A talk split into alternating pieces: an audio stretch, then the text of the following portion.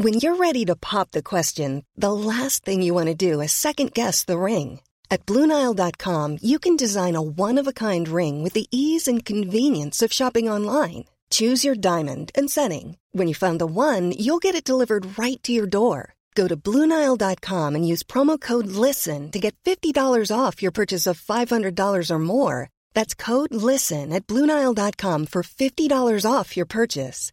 Bluenile.com code LISTEN. Hiring for your small business? If you're not looking for professionals on LinkedIn, you're looking in the wrong place. That's like looking for your car keys in a fish tank. LinkedIn helps you hire professionals you can't find anywhere else, even those who aren't actively searching for a new job but might be open to the perfect role. In a given month, over 70% of LinkedIn users don't even visit other leading job sites. So start looking in the right place. With LinkedIn, you can hire professionals like a professional. Post your free job on linkedin.com slash people today.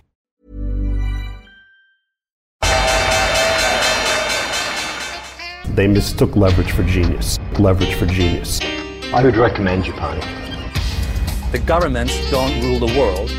Goldman Sachs rules the world. Velkommen til en ny episode av podkasten 'Tid er penger'. En podkast med Peter Warren. Dette er episode 105. Jeg heter Sverre, er produsent, og um, vi har uh, litt andre tema i dag å snakke om i finans. Det er jo kanskje ikke de mest spennende markedene etter eh, noen hektiske, i hvert fall uker og måneder, egentlig ett år. Så har ting roa seg litt ned, og man snakker om litt sånn mer perifere ting. Um, og um, i dagens episode tenkte jeg vi skulle innlede med et sitat som kom ut i natt, tror jeg det var, natt eller i går, uh, fra Charlie Munger, uh, som er en uh, nestorens nestor. Altså han er NK-en til Warren Buffett, verdens største forsikringsmann og veldig legendarisk investor. Og Charlie Munger har jo ofte ganske, ganske interessante sånn, filosofiske syn på markedet. Så du kan jo si hei, Peter, før vi starter. Jeg kan begynne å si hei, hei til deg, og for så vidt til Charlie Munger. Jeg gleder meg til å høre Føler du at du er Norges Charlie Munger, eller er du ca. 50 år for ung? Jeg håper at jeg er ca. 50 år for ung. Han er vel 92. ja. Men da kan vi starte med et kort sitat fra Charlie Munger, så vi hadde litt, diskutert litt før vi starta. I think I should say modestly that I think the whole damn development is disgusting and contrary to the interests of civilization. And I'll let, leave the criticism to others. Spørsmålet var hva syns du om bitcoin? Hva syns du om krypto? Ja, og um, i den anledning så har jeg noen tall, fordi jeg har sett på tall fra 2011, altså ca. ti år eller litt mer, da, frem til, til dags dato. Og hvis du da ser på, altså siden bitcoin nevnes her, da, den annualiserte avkastningen Eller vi kan begynne med den annualiserte avkastningen på Nasdaq, fordi det har jo gått, som alle vet, nå, fenomenalt. Og den annualiserte avkastningen på Nasdaq-indeksen er på 20,5 Og den annualiserte avkastningen på SMP 500, som også har gått veldig eh, sterkt i denne perioden takket være de kvantitative lettelsene, er 14,5% Og eiendom i USA, representert gjennom REITs, altså disse Real, uh, real Estate Investment Trusts, har gått 10,1 Statsobligasjoner har gått 6,5% Dette er annualisert avkastning i denne perioden, altså årlig avkastning annualisert i denne perioden. High yield har gått 5,5, så du kan si at statsobligasjoner, lange statsobligasjoner, har hatt en større, har gitt bedre avkastning enn en, en, high yield, altså de, mest risikofylte obligasjonene. Det er interessant i seg selv. Investment grade, som er da også eh, selskapsobligasjoner, men med mye høyere kvalitet enn en high yield, har gått 5,4% Så jeg vil jo si at du har i hvert fall ikke blitt betalt for å ta den high yield-risikoen uh, i, i, i, i denne perioden. Og så har du råvarer som er ned 3,8% i i denne perioden. Altså, men hvis vi ser på, vi ser på hele, hele spekteret, så er den som har Den som solid har slått alt dette, og som de aller, aller fleste investorer, meg selv inkludert, i hvert fall i den, i, i den perioden, for jeg kom først inn i dette på, da etter kursfallet uh, i, i, 2018, er bitcoin, som har da en annualisert avkastning på 223,8% Så bitcoin har slått alt og alle, kan vi, kan vi godt si, og er opp 95% i, hittil i år, mens SMP 500 er opp 12 Oslo Børs hittil i år er opp um, 10,5% Men i år er også råvarer som da har gitt negativ avkastning i denne i den lange perioden, det er opp, opp, uh, opp 22 Men Charlie Munger snakka ikke om avkastning? Nei. Det gjorde han, han sikkert ikke. Om hva som er bra for verden. Så kontraargumentet på hvordan du får, hvordan får perfekt avkastning. Eh, det å ta noe verdiløst og sette fokus på det. Noe som er objektivt sett verdiløst. F.eks. Eh, sånne eh, byttekort i en eller annen, altså som en le leke, på en måte. Et papirkort som har en nominell verdi på kanskje ett øre eller ti øre, eller noe sånt. Og eh, eksempel kaller man det Magic the Gathering er et sånt kortspill, og så har du Pokémon-kort og masse andre kort. Og nå, eh, en av de eh, eh, Altså flere av de kortmarkedene nå har gått til himmels. Mm. Helt til det siste nå. I takt med alt mulig annet verdiløs bullshit som går til himmels. Som har gått til himmels under kvantitative lettelser. Og du sier bitcoin. Bitcoin eh, eh starta jo, altså ble jo ble en ting mer eller mindre nøyaktig samtidig som kvantitative lettelser kom. Og var jo ja, da, ingenting da i mange det, år. Da tok det for, for alvor, er helt enig. Men det, altså, selvfølgelig vil noe ha ei sinnssyk analysert avkastning hvis det er en suksess, hvis det kommer fra null. Mens det han snakker om, er jo Hvis det kommer det fra null, en, så, har du, ja, så har du ikke noe avkastning. Ja, men er det her en verdi? Nei, ja. men altså det, altså det, var null verd, og så mm. plutselig har folk eh, tilegna det verdi. Men det jeg mener, er at det som er interessant med det her sitatet, som vi sikkert er ganske uenige om, eller i hvert fall delvis uenige om, hva, hva det, om det er bra eller dårlig, men eh, poenget var at eh, eh, avkastning er ikke det som det eneste som betyr noe når det kommer til finans. Eh, og det han mener, tror jeg, er at eh, det er veldig mye bortkasta energi og ressurser som brukes til bitcoin. Ja, det, det, kan godt hende at han har rett i det. Det samme er det vel når du klikker på Facebook og gjør andre ting også, så Men alle de andre verdiklassene du nevnte, alle aksjer, ja, ja. obligasjoner Du får en net benefit for, for menneskeheten. Du kan kjøpe melk, du kan bygge deg et hus, du kan eh, ha en jobb. Sånne type helt konkrete verdier. Men, og det mener du du ikke kan gjøre hvis du selger bitcoinene dine?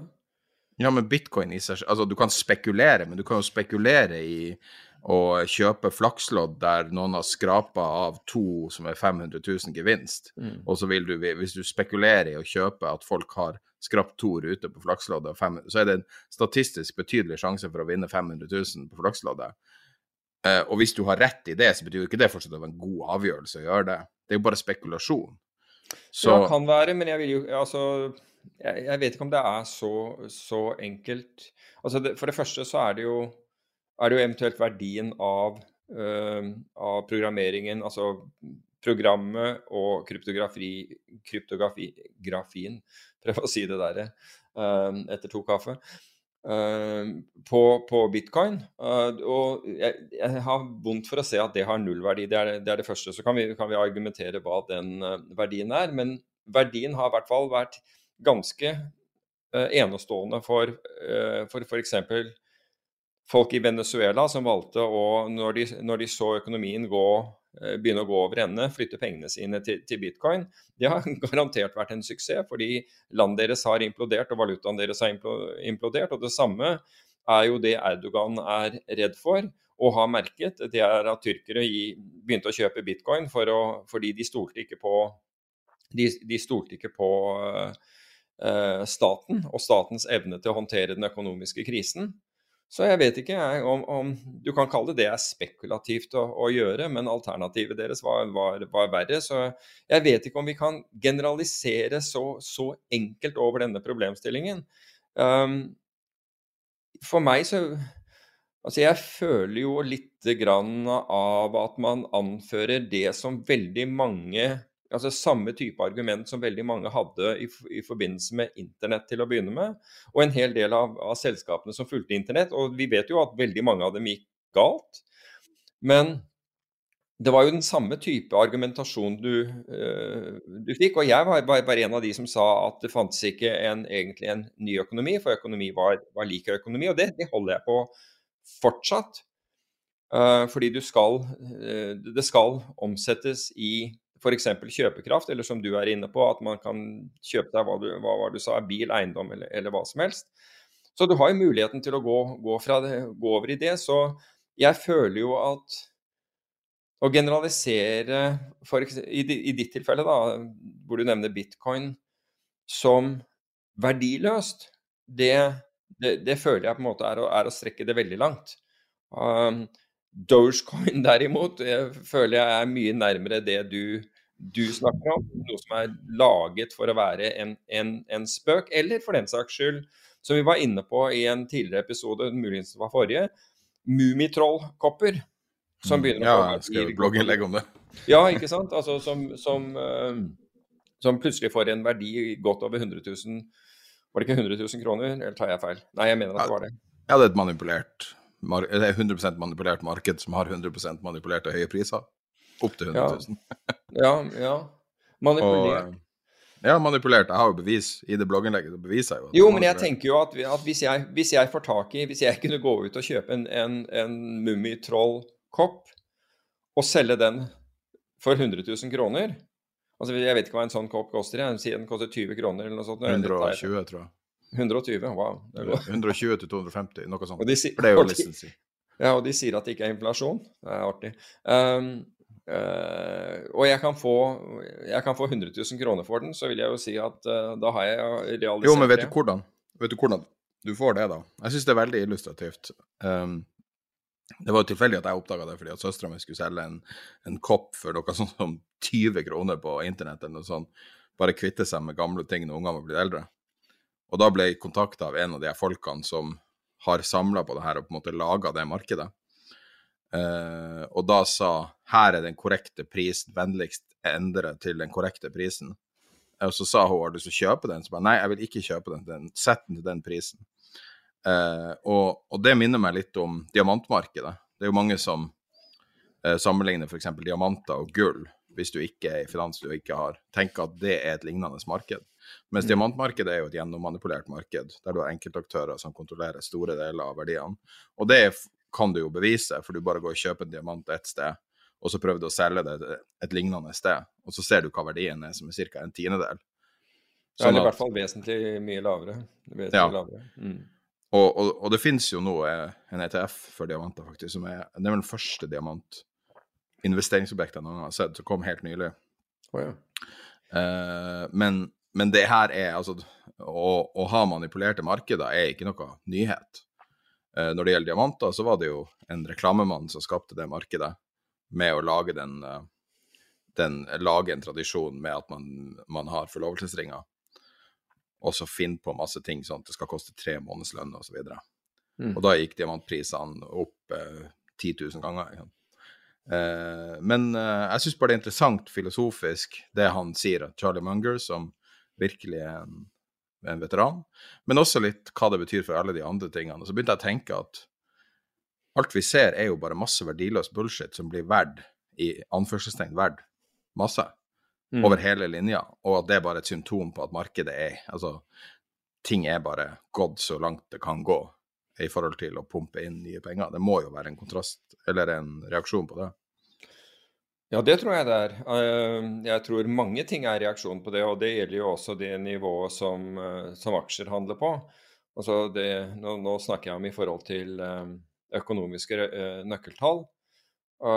Hvis du ser på aksjer nå i forhold til på, på, verdensbasis så har de aldri vært så høy i forhold til verdiskapningen som de er nå.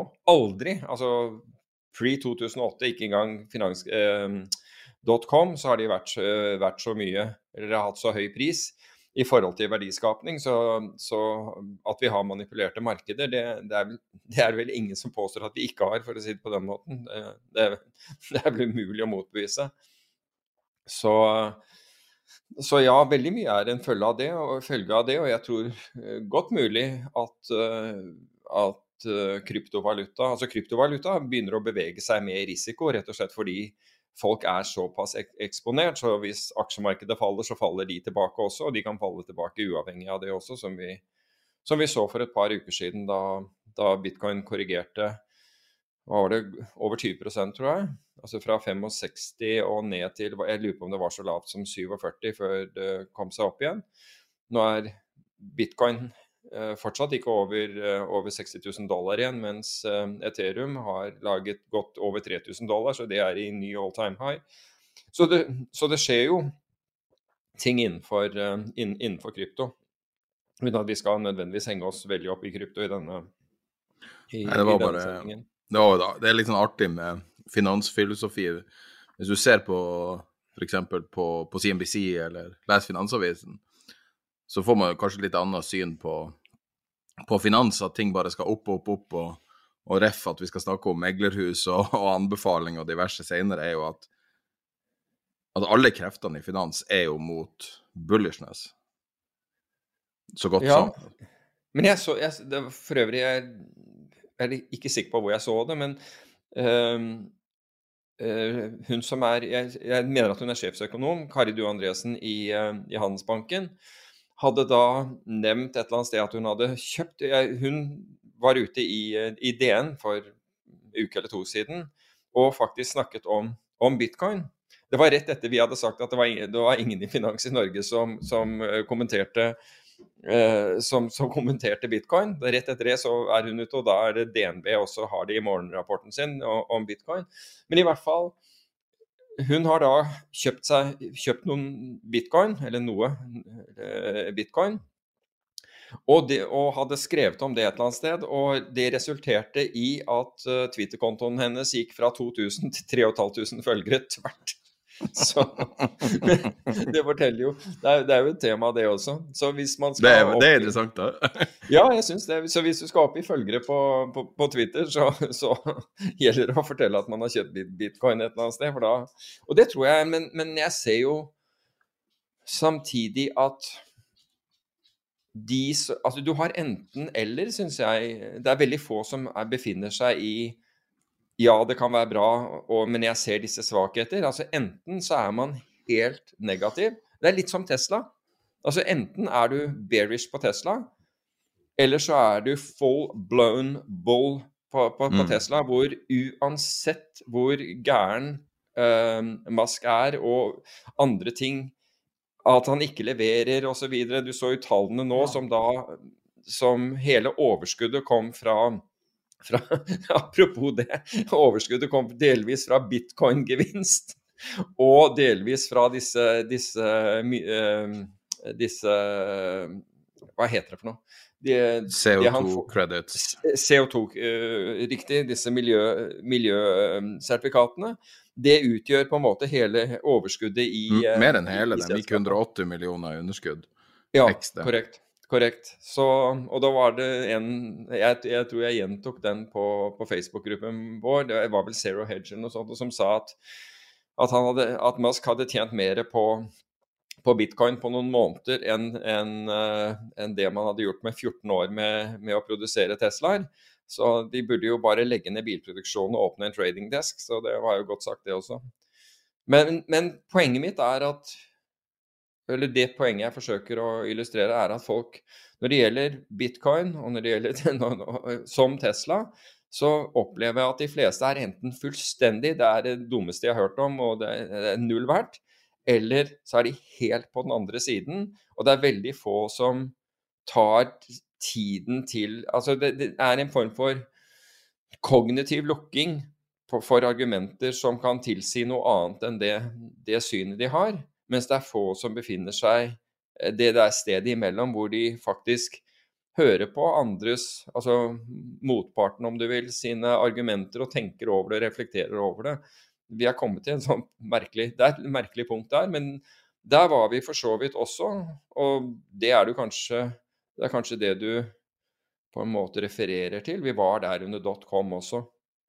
Da var det veldig, veldig vanskelig å si at ja, men hør her dette, dette, dette henger ikke på, på, greip økonomisk. Så vi får se. Og, altså, det, er jo, det er jo optimisme som har skapt f.eks. USA. Eh, hadde det ikke vært for folk som tok helt hodeløs risiko, så ville man jo ikke hatt det moderne USA i dag. For da ville man aldri ha reist over havet. Mm. Sånn, det er, jo, det er jo en viss grad eh, det som er liksom selve vekstmotoren i verden. Men det er jo litt sånn at når man kommer i slutten av en syklus, eller langt ut i en syklus, altså basert på forrige, den statistikken vi la med forrige episode, så er vi jo langt ute i en syklus. Det går ikke an å argumentere på noen annen måte enn det. Ja, du, det var jo Goldman som hadde argumentert imot det, da, men uh, jeg tror både du og jeg var enige om at uh, den, den, korreksjonen som vi så i fjor, den, altså var på en måte fordi man brukte kunstige midler eh, til å få kursene umiddelbart opp igjen, så, så, så kan ikke det anses som en, eh, som ordentlig, en, en, ordentlig korreksjon på, på høye verdsettelser, verdsettelser, som man hadde forut for, for uh, covid. Det var faktisk et tema vi, apropos det, syklus, det var jo et tema vi hadde, hadde notert ned til forrige gang som en mulig ting vi kunne snakke om, som er den commodity-supersyklusen som har vært snakk om litt, liksom litt høyere og høyere frekvens. da. Mm. Du ser veldig mye commodities som stiger i verdi eh, over hele linja, egentlig. Du har jo tømmer for mye omtale. Men du har men tømmer jo, er jo en veldig sånn spesiell uh, situasjon. Jo, men kobber Kobber er Kobber er en annen ting. Men, det, er, det, er mer, det reflekterer mer økonomien generelt, det er jeg helt enig i. Men ja. Men det er, det, er altså, det er definitivt jeg synes jeg er mye morsommere og mer interessant å snakke om enn liksom en ren spekulativ asset som man fortsatt til en viss grad ikke gjør noe med annet enn å spekulere med. Mm. Mens når du da ser på commodities og hele den samlinga av alle typer commodities og ser hvor mye det stiger, eh, så er vel det mer en sann refleksjon av vekst? Det, det ja, absolutt. Absolutt er det det. Og, og, når du ser konsekvensene, altså delvis fordi eh, i, i, tømmer, som du nevnte, når tømmerprisene går oppover, så går også koster også mer å bygge, og du ser husprisene har steget voldsomt i USA osv. Og, så videre, og så har du en har du en uh, inflasjon på 2,6 prosent, mens aksjer er, er til himmels. Uh, eiendomspriser er til himmels. Altså det henger jo ikke på greip. Og du ser disse råvareprisene, det henger jo ikke på greip. Det er Måten vi måler inflasjon på, er, representerer ikke virkeligheten. Og hvis du lar pengepolitikk og finanspolitikk bestemmes av noe som ikke representerer virke, virkeligheten, med andre ord ikke representerer den, den, reelle inflasjonen i samfunnet, da er du ute å kjøre allerede der. Og hvis du ser altså, Stigningen på amerikanske huspriser var jo rekordhøy. Og samtidig med at sentralbanken får disse tallene, så beslutter den å øke kjøpene sine av boliglånsobligasjoner for å stimulere eiendomsmarkedet. De to, altså jeg, jeg forstår ikke den setningen. Altså jeg, for, jeg, kan ikke lese den setningen uten å reagere på at, at her er det en enorm dissonans. Disse, altså her er det krefter som virker mot hverandre, og det virker som sentralbanken er helt indifferent til, til den problemstillingen. Men nå, nå sitter ikke jeg og, som, som, som, sjef for Federal Reserve. Husker du, bare for å fortsette på commodities, da, husker du sist eh, eh, kobber eh, gikk over 10 000 dollar per tonn? Nei, det var vel antakeligvis en tid hvor jeg eh, handlet kobber i, i, i, i pund, tenker jeg. To, 2011. Og det var en liten spike over og så ned igjen. Da, da hadde vi en lignende opptur fra eh, på å si, bunnen i finanskrisa, der det steg eh, Det tredobla seg ca. Nesten tredobla seg. Og det samme på en måte mønsteret har skjedd nå. Men forskjellen er jo selvfølgelig at pila fortsetter å peke oppover. Så har du rekord i palladium, og så har du jo alle de her um, uh, En rekke soft commodities som stiger. Så uh, det minner jo Var ikke det knytta til Glencore-børshåndteringa sist? Jo, det er mulig. Det, det, er mulig. Men altså, vi, som vi innledet med i dag, så har jo det å være i råvarer altså gitt deg en negativ avkastning, annualisert avkastning, altså fra 2011 til nå, på, på minus 3,8 eh, Så jeg, jeg, skjønner jo at eh, det tar litt tid å få folk tilbake i, i råvaremarkedet, selv om det er jo klart råvarefond der, der ute. og Norske Norquant har jo bl.a. jeg tror rundt en tredjedel eller litt mer enn det i, i, råvarer. Men råvarer er også det er mer, Jeg har jo min bakgrunn fra, fra det markedet, og det er mer komplisert fordi forward-kurver um, du må virkelig følge med på, på forward-kurvene, for det kan være ekstremt uh, dyrt å holde og, kjøpe råvarer og, og holde dem over tid. Um, på, på, samme måte som vi ser i olje, at der kan, der kan uh, oljeprisen være i contango. altså med andre ord at Contango betyr at neste måned altså det reflekterer kostnaden av, av penger. altså med andre ord at hvis du har, hvis du har 5 årlig rente, da, bare for å ta det tallet, så, så, vil, eh, så vil olje for levering, altså alt annet like, så vil olje for levering være 5 eh, om et år, være 5% dyrere enn olje for, for, levering i dag. Men så har vi jo selvfølgelig alle disse andre faktorene som spiller inn, altså lagerkapasitet og produksjon og den type ting, som gjør at den forward-kurven endrer seg. Og olje er jo nå, og som jeg også har skrevet blogg om, i backwardation, med andre ord at du kjøper olje for levering Uh, om ett år er vesentlig lavere enn olje for levering i, i, øyeblikket. Så da kan du, hvis du tror at oljeprisen ikke kommer til å falle, eh, så kan du kjøpe olje for levering om ett år og bare sitte der og ta imot og, og, og, få den renten om, om et år. Så, så, det er mer komplekst å handle. Og noen av råvarene er ekstremt sesongutsatt, andre er ekstremt værutsatt, som også har med sesonger å gjøre. Kaffe har frossesong, f.eks. Og i frossesongen så kan du da plutselig Eh, svære avlinger være, bli borte, rett og slett fordi det, det går frost i dem. Uh, du, ja, I midtvesten av USA så kan du ha, ha stormer og tornadoer som ødelegger avlinger osv. Så, videre. så det er, det er, mange ting å ta hensyn til når du handler, når du handler råvarer. Men det du sier er jo, er jo korrekt. altså Råvarer er jo, er jo kraftig opp i år. Og mens de var Det er vel opp ja, 22% i år, de var opp 21,8% i fjor. Så, og nå snakker vi om råvare-ETF-en, som da er en indeks for, um, for, for, råvarer. Så det er også et sted hvor jeg har inntrykk av at investor har gått glipp av store gevinster ved at de har kun fokusert på aksjer. Mm. Eh, skal vi gå videre til uh, Arctic og DNB, kanskje? Ja. Det, det, var, jo litt, nu, var jo litt nus i dag, da. Ja, det var, var eh, litt Finanstilsynet ja, er aktiv om dagen, altså.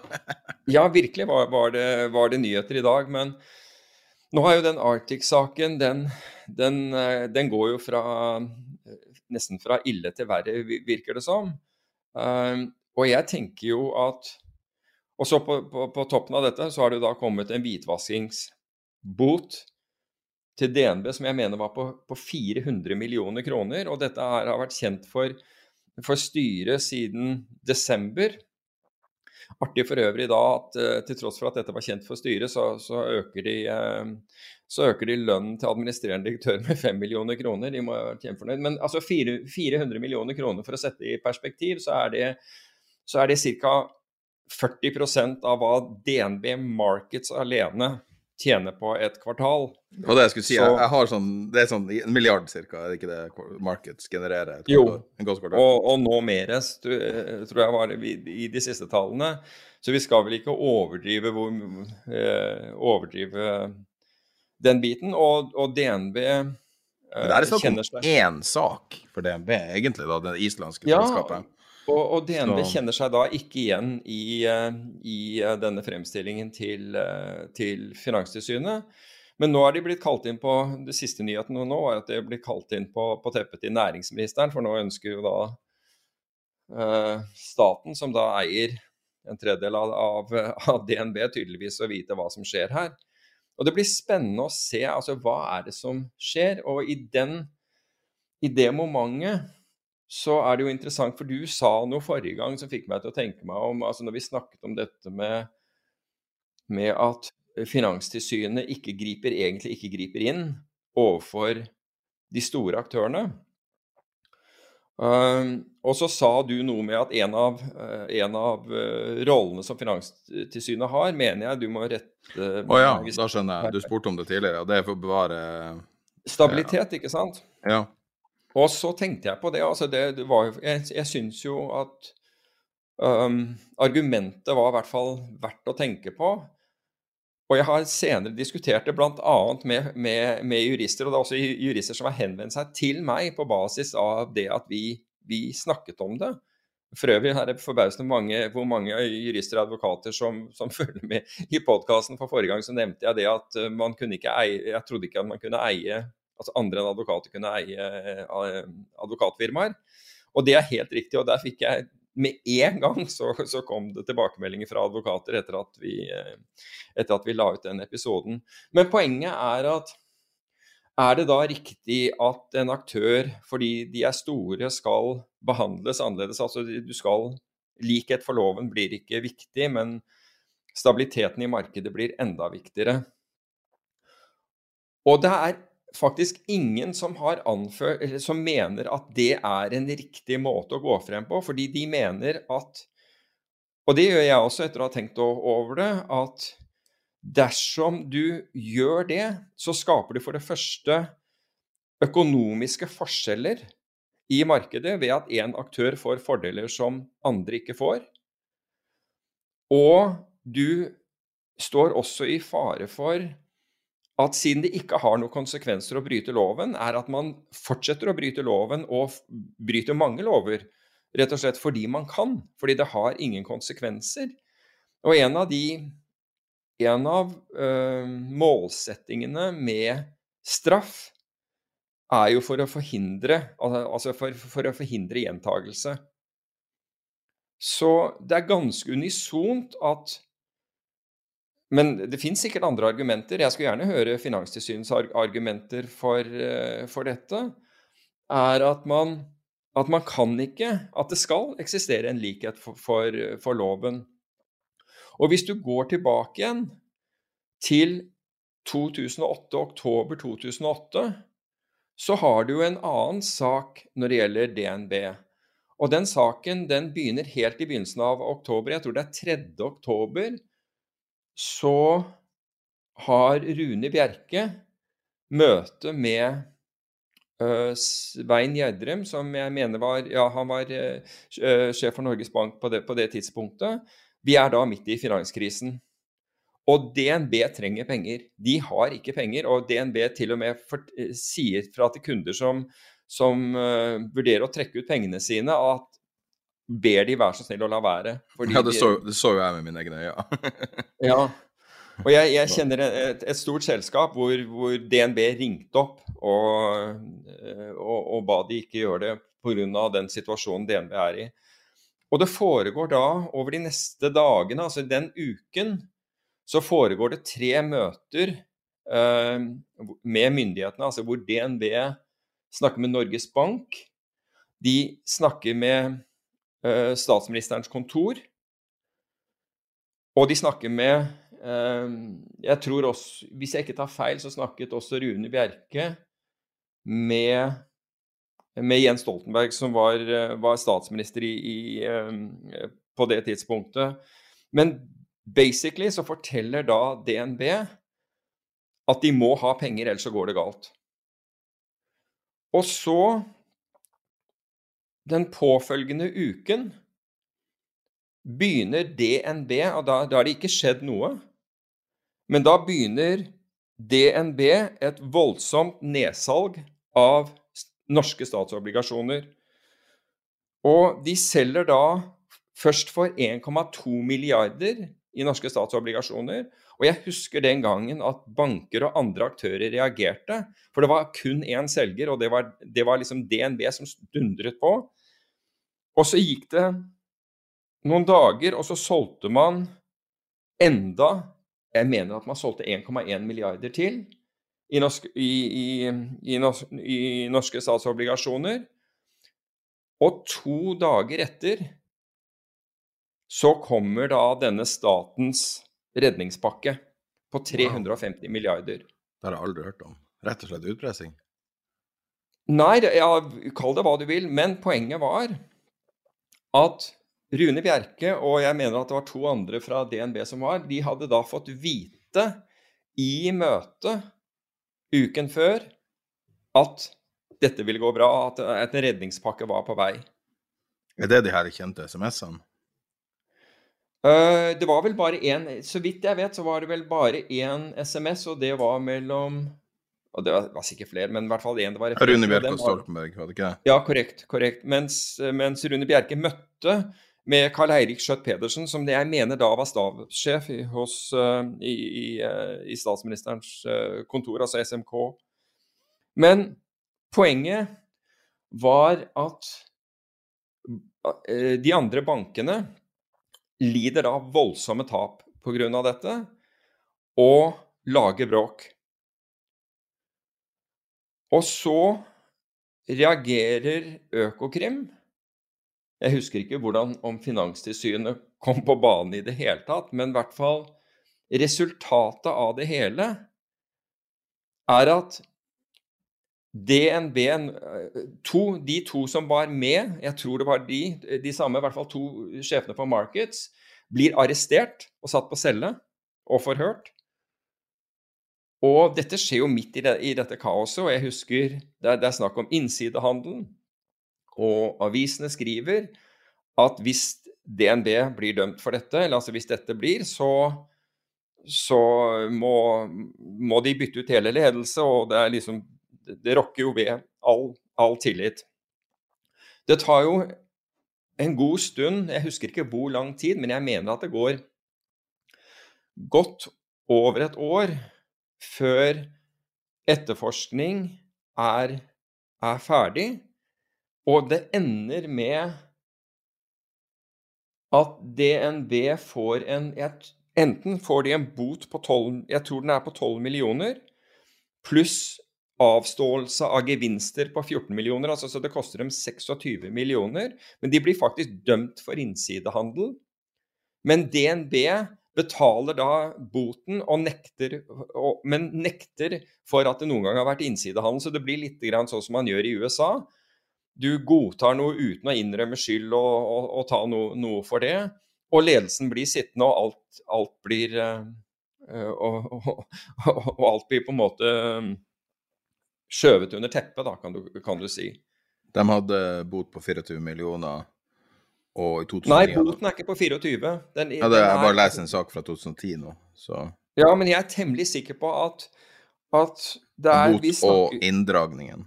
Nettopp. Det mener jeg kommer opp i 26, for jeg mener at, at det var 12 og 14. Ja.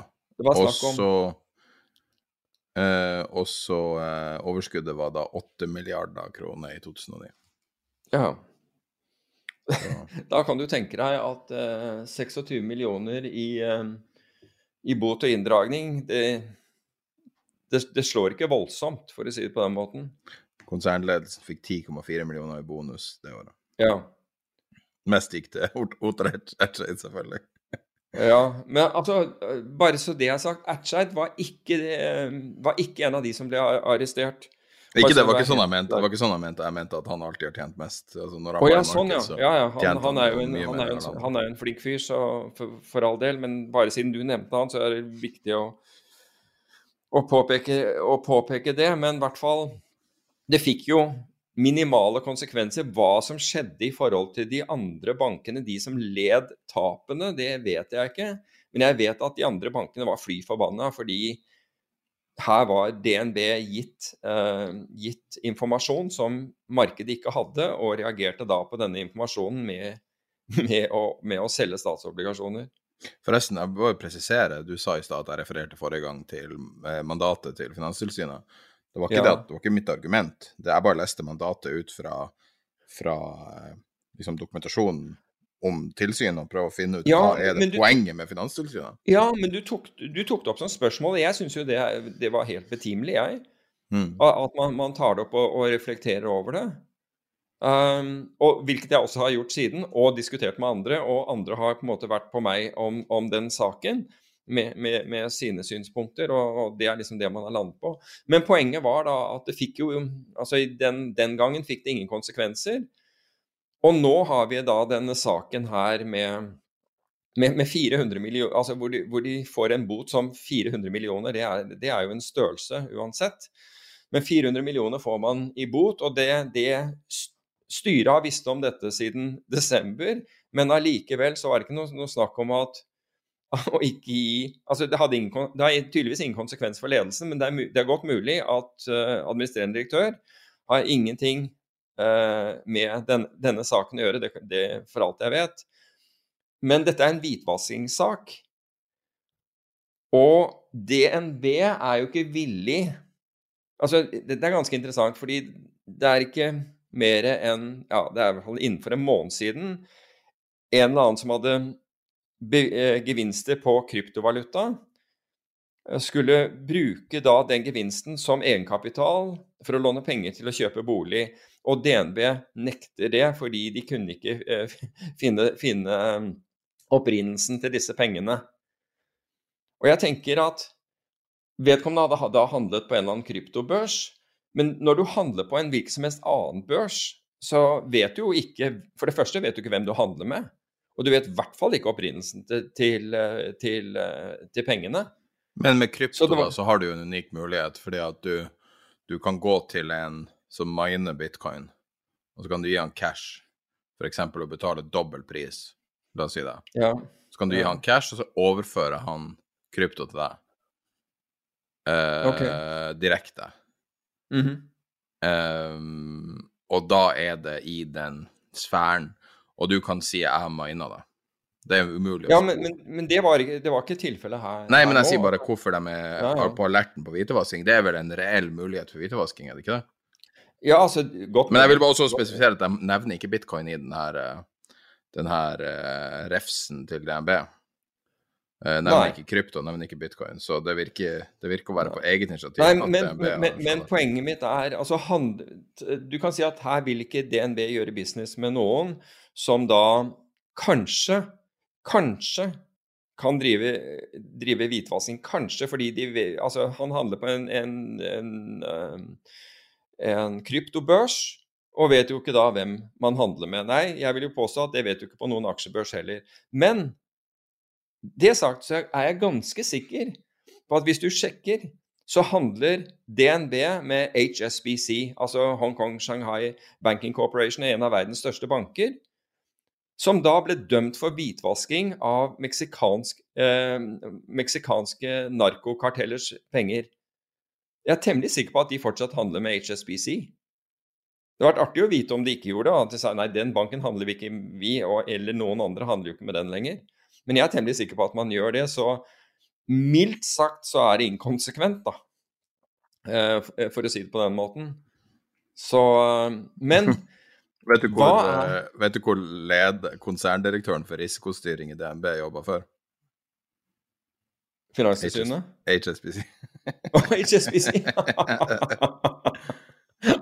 Uten at det er noe som helst problematisk. Men det var bare artig. Okay. Wow. Nei, det var morsomt. Men, uh, men poenget er at, liksom, at, en god del er jo bare sånn der spill for galleriet. Og når det kommer til stykket, så, så bryr, man ikke, bryr, man seg ikke, så mye. og Nei, altså, men, men, i bank altså, altså Antihvitevasking, eh, FATCA, alle de her reglene her, det er et mareritt for banker. Det er virkelig et mareritt å drive business det er, det er det helt sikkert. Det er så det, er utrolige kostnader med antihvitevasking. Ja, ja. Sånn jeg, men du kan si at års, årsaken, årsaken til at hvitvasking er, er ulovlig, er fordi det er en alvorlig forbrytelse. Og hvis det er noe du skal miste konsesjon for, det er liksom to krav. Det, ene, det, er ikke to som må oppfylles begge, men det ene er at det er alvorlig. Og det andre er at du er systematisk, altså at du har gjort det flere ganger. Og det er det som ligger, ligger til grunn. Og så i dette tilfellet så får man da Det har ingen annen, tydeligvis ingen annen konsekvens enn 400 millioner, og du får beholde de derre Altså, du, du, kan gjøre det, det har ingen konsekvens for noen som arbeider der, ingen som ledere, ingenting. 400, så egentlig så blir, overlater du til aksjonærene, men der er jo staten med, da, med nesten en tredjedel, og si at syns vi det er helt ålreit at det blir borte 400 millioner fordi man har begått ulovligheter her. Så myndighetene på en måte tar ikke stilling. altså Finanstilsynet tar i hvert fall ikke stilling til det. Så de skyver det bort på, skyver det bort på, eh, på, på aksjonærene. Og Det blir da også spennende å se hva er det som kommer til å skje i dette Arctic-tilfellet. fordi den, den, har jo gått fra en, en sak som var, synes å være ganske liten, altså det er ikke liten hvis, hvis, noen har gjort noe ulovlig, for så vidt, i et stort meglerselskap. Men det har nå etter hvert utviklet seg til Det i hvert fall begynner å se systematisk ut når flere har deltatt i akkurat det samme. Og så begynner man å snakke om at innsideregler kan være, kan være brutt. Jeg tenker jo at Jeg vet ikke om, om innsidereglene er brutt her, men jeg vil jo si at reglene for frontrunning Altså hvis du har før, før kundene dine har fått analysen, så har du gått ut så har, så har meglerne selv fått lov å kjøpe seg opp i, i, i, selskapet. Når du vet at du kommer med en analyse som sier at dette, denne aksjen skal gå firegangeren, da, da, da må det i hvert fall være frontrunning. Så jeg tenker, altså hva gjør man hva gjør man i det tilfellet? Nå, nå skal jo dette her gå gjennom og altså Finanstilsynet har, slik jeg forstår det, allerede konkludert med og kritisert at, at, at man har at for Arctics del at man har gjort noe feil. Men samtidig så er Arctic store, og de har mektige kunder. Mm, de har altså Hva sier du? Ja, veldig mektige folk. Ja, ikke sant? Altså Kjell Inge Røkke. Uh, apropos morsom sak der. Og dette, dette står i dagens, dagens, Næringsliv, og der er det ham Tor Christian Jensen som har fått et du, sengesett. Det har du lest den? Der, ja, ja, men det greiene der er faen meg det er snakk Det er så altså det er så bare Røkke som kan gjøre det her. Altså, det, ja, men jeg synes... det, det, altså, det kunne vært tolka som en trussel, det greia der. Ja, men det var det, det var det, jeg tenkte på. Er dette liksom Jeg, jeg, jeg, jeg er gammel nok til å huske Gudfaren igjen. Altså, er, er dette Og jeg er gammel nok til å huske den statuen han ga til Steinerik Hagen, så ja, den, den, har jeg ikke hørt om, men, men hør på denne. Altså, I, i Gudfaren 1 så er det en kar som våk, våk, våkner opp Nei, jeg hadde ikke hørt om den statuen, men okay. som, som våk, våkner opp med, med, et, med et avkuttet hestehode i, i, i, sengen, og så, som en, en klar warning. Det at du får et sengesett Jeg tenkte det var en, det var en, en mer sånn Oslo 3-måte å gjøre det på da, enn en, en, sånn derre en, et, et, blodig hestehode. Men uh, det var, det var, en artig Men ikke sant, du har, du har Men ta se her, se på, klikk på den uh, linken, skal vi se om det blir riktig. Så skal du få se statuen også når vi er i gang. Uh, okay. kan, skal vi se på regnearket, så nederst på regnearket, på rad 34. Den ble sendt til Stein Erik Hagen. Oh, Jesus. Herregud. Den statuen sendte han ja. De hadde jo en fade, jeg husker ikke hva det var. Så han har jo en okay. vanvittig god humor, det må jeg innrømme. Så jeg syns ja, ja. det er artig. Men, uh... men, men, men, Poenget, poenget, var at, uh, poenget var at uh, Tor Christian Jensen lo så han skrek da han så dette, det, dette sengesettet. Men jeg er, jeg er, ikke sikker på om han skal le eller, for, eller begynne å tenke seg litt om her når det, når det, gjelder den, men det er mulig at jeg overdriver. Men tilbake til Arctic, da. De, og er det sånn sett med sengesett at du Jeg trodde det var hele greia var liksom tenkt på meg når du sover, eller jeg vet ikke. Eller uh, Sleep with ja, det, det one eye open, det, kanskje? Det, er sikkert det det er. Men det kan, det kan, sikkert tolkes på mange måter. Men, uh, men jeg, altså en eller annen grunn så gikk tankene mine til gudfaren igjen. Men uh, greit nok, det. Han har unektelig god humor, da. Det har han. Ja, det har det, absolutt. Og så, men tilbake til Arctic. da, De har liksom, de har, de har eh, tidligere konserndirektør i Aker Kværner som styreformann, Inge Hansen. Han var vel i Statoil før det. Uh, det er Altså, de, de, har de største kundene. De har Trond Moen som, store, som, som store aksjonær.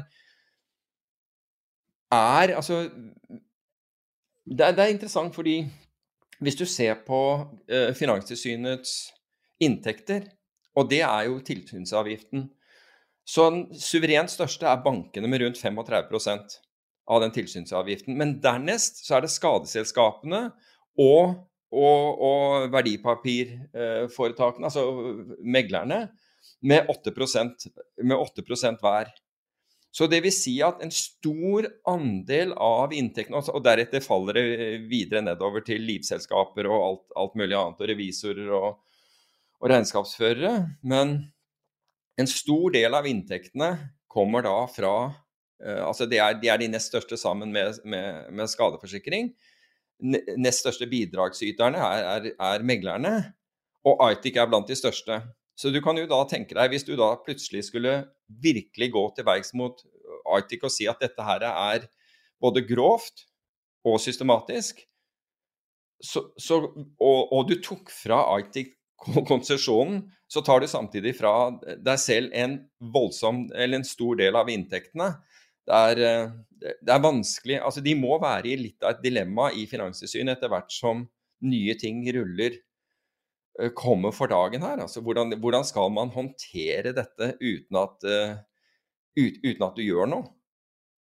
Og, men det, det, var også interessant å vite Og så svarer Arctic at ja, de gjør alt uh, innenfor de normene som, uh, som foreningen deres, altså Verdipapirforetakenes forening, har, og de er godt innenfor dem. De spiller, altså Verdipapirforetakenes forening er jo ikke loven. Loven er loven. Hva, hva Verdipapirforetakenes forening mener er, er en norm, det er, det er, jo ett fett i forhold til, til loven, for, for, å være helt ærlig. Men, men, det blir interessant å se hvordan, hvordan, denne saken her nå blir håndtert. fordi den, det skaper jo også presedens fremover. Og, og, Dagens Næringsliv har jo sørget for at det er ordentlig fokus uh, på denne saken. Også, mye fordi de stadig finner nye uh, finner nye, nye brudd. da. Jeg syns det mest sjokkerende var at de uh, måtte sjøl fjerna muligheten til å kjøpe aksjer for ansatte. Skikkelig admission of guilt. da. Altså, De vil ikke gjøre ja, det. mens de faktisk kan Men, men det, jeg, det jeg ikke visste, uh, det er at de bare har tre måneders bindingstid. Meglere kun har tre oi, måneders bindingstid. Oi, oi, oi. Jeg trodde det var fem ja. år.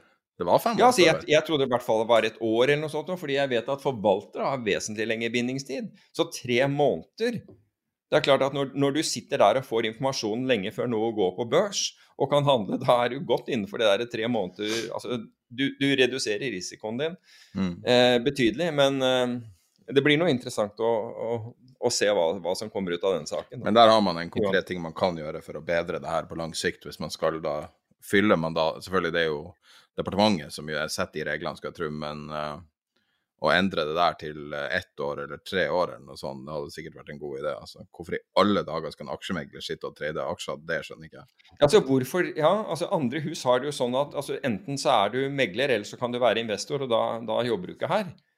Men her driver du faktisk og konkurrerer sant, med, med, med, med rådgiveren din. Det er, jo, eh, det er jo interessant at, at det, det, er sånn Hva er det for noe um, Winnie the Pooh som heter på norsk? Um, hva heter den derre bjørnen? Jeg husker, jeg husker ikke. Ja, det er men, ja, Han som sier ja Ole Brumm! Ole Brumm. Ikke sant? Det er, det er, sånn ja takk, begge deler. Ikke sant? Ja takk, begge deler. Det blir også veldig ja takk, begge deler hvis noen er utenfor, altså hevet over loven. Da blir det virkelig ja takk, begge deler, hvis du er hevet over loven. Så, men vi får se. Altså, nå får, eh, nå får uh, myndighetene og, og, juristene vurdere dette her. Men jeg, jeg syns jo dette mye, minner mye mer om frontrunning enn det minner om, om innsidehandel. Antageligvis noe som er frontrunning er antageligvis mindre, mindre, alvorlig også, for den saks skyld. Så en av de tingene som, som på en måte er den uh, Altså fokuset i denne Arctic-saken, er jo selskap har notert på uh, den uh, growth-børsen, uh, gamle Merkur-børsen på Oslo Børs. Ja. og det er jo ting som er i veldig tidlig fase, da. men vi har fått forespørsel fra en lytter over lang tid over å, å snakke om folkefinansiering, crowdfunding. Ja. Og det artige der er jo, når du ser på liksom, de oversiktene fra bransjen sjøl, hvordan de anser seg, så er jo de ikke bare foran børsnotering, men de er pre-angel-investorer. Det er folkefinansiering. Mm. Altså, da, da er det snakk om å ta den største risikoen som er mulig, utenom å kanskje få en unge som du håper skal bli næringsdrivende. Altså føde en unge. Ja, no, Noe av folkefinansiering, er det all Nei, altså dem sjøl plasserer seg der. OK. okay. Så, altså, det finnes jo mange oversikter. Jeg bare syns det var sjokkerende. Selvfølgelig, hvis du driver med eiendomslån, så er det jo da implisitt I hvert fall hvis det er lån med, med noe sikring, så er det jo da mye lavere risk. Men um, ja. jeg kan ta en, overs en gjennomgang kjapt av, av crowdfunding. Jeg hadde litt Fint. sånn usikker på Jeg hadde fire deler det det delt i, da. En ting som uh, podkasten har fått Jeg tror på uh, i løpet av et år eller to så har vi fått 50 forespørsler om å om å gjøre den første, som er donasjon. At folk som har lyst til at vi skal starte Patrion-konto eh, til podkasten. Så det er den laveste formen for, eh, for folkefinansiering. Eh, og det er da mer eller mindre at du enten vil støtte ildsjeler eller har lyst til å hjelpe noen å få en operasjon de ellers ikke kan få. Det er ofte det det brukes til. I USA så virker det jo det vi skal da erstatte helsevesenet. Der finansieres jo Eh, alt mulig rare ting opp via sånn crowdfunding. Det er blitt veldig, veldig stort. Eh, og så har du noe som heter belønnings-crowdfunding. Eh, det er vel mer det man, man bestiller en framtidig, et framtidig produkt som kanskje, kanskje ikke blir ferdig. Uh, hva heter det selskapet? Det er et veldig stort selskap som har en sånn plattform. Kickstarter. Uh, og det var jo en av de aller tidligste tingene med crowdfunding. da. Resultatet der har vært ganske underveldende. så har jo ikke vært det her er jo ikke, altså, knyttet til investeringer, sånn sett. Og så har du da de to forskjellige kategoriene for, som er mulig for investorer, som er egenkapital, altså aksjer, uh, eller lån. Uh, så da er det aksjebasert crowdfunding og crowdlending. da bare sånn størrelsen på det markedet har blitt ganske stor. Så 2012 var det her markedet noen hundre tusen. Nå er det 500 millioner. Wow. Eh, så seint som i 2016 var det her bare 40, eh, 45 millioner.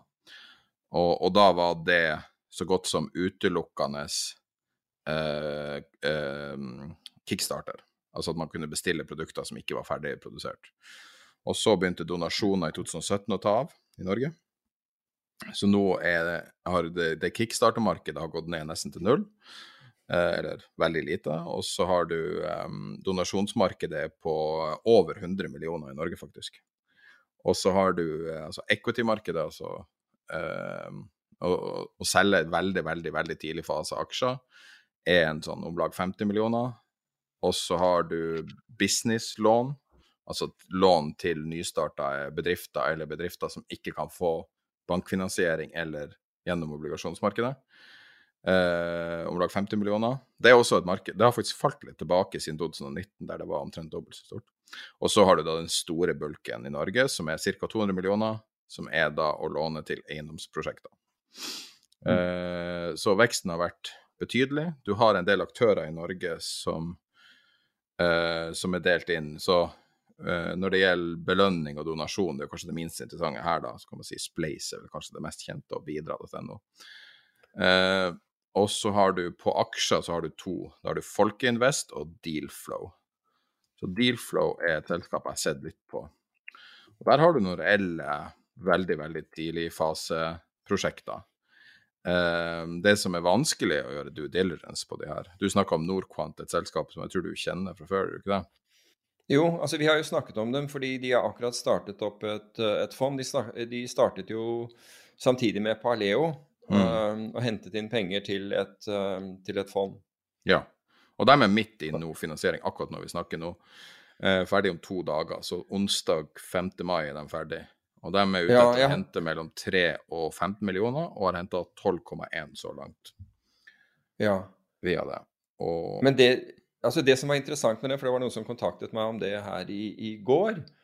Og, og, det er at jeg, altså jeg, Det er mulig at man får mye mer informasjon enn en, en det jeg vet om, men jeg kikket da på, på, en eller annen side og kunne se da antageligvis de tallene du ser der.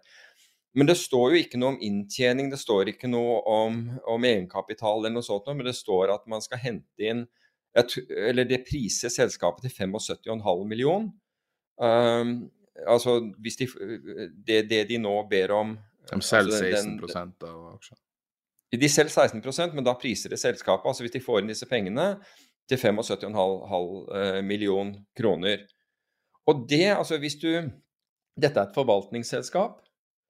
Og forvaltningsselskaper, i, altså forvaltningsselskaper har jo vært handlet til eh, tidligere til over 20 av, av forvaltningskapitalen, men det har falt dramatisk de senere årene fordi investorene Altså, en, altså Investorene er ikke lojale. altså Nå snakker jeg ikke om aksjeinvestorene, men de som har penger hos deg, de er ikke lojale. altså Hvis du, hvis du gjør det dårligere, eller det kommer no, noen som gjør det bedre enn deg, så switcher de veldig fort. Eller hvis du mister en selger, så tar han med seg kunder osv. Så, videre. så den er kommet ned i rundt 5% Så hvis du sier at dette selskapet er verdt 75 millioner, og skal være priset på 5 av av, eh, av eh, forvaltningskapital, så, så, så må de ha fått inn utrolig 1,5 milliard kroner på noen måneder til, her, til forvaltning. Her kanskje gir deg litt. Selskapet utvikler en tradingplattform for direkte automatisert salg av signaler til investorer med infrastrukturen fra blokkjede. Det er det. Ja. Og så er det Ok. ESG-fokus, og det er jo sannsynligvis delvis fordi at det er sånn de har fått statsstøtte over 10 millioner. Ja, de har vel Eh. fått ja, noe sånt noe 14 millioner i, i, i forskningspenger fra, fra, fra staten. Her er det jo folk fra, som har jobbet i oljefondet tidligere, så det er, det er smarte folk som er med. Absolutt. Men jeg må jo Bare interessant å velge en sånn plattform, når langt mer, mer uh, uutvikla selskaper da faktisk går og børsnoterer seg via eh, growth-børsen. Ja.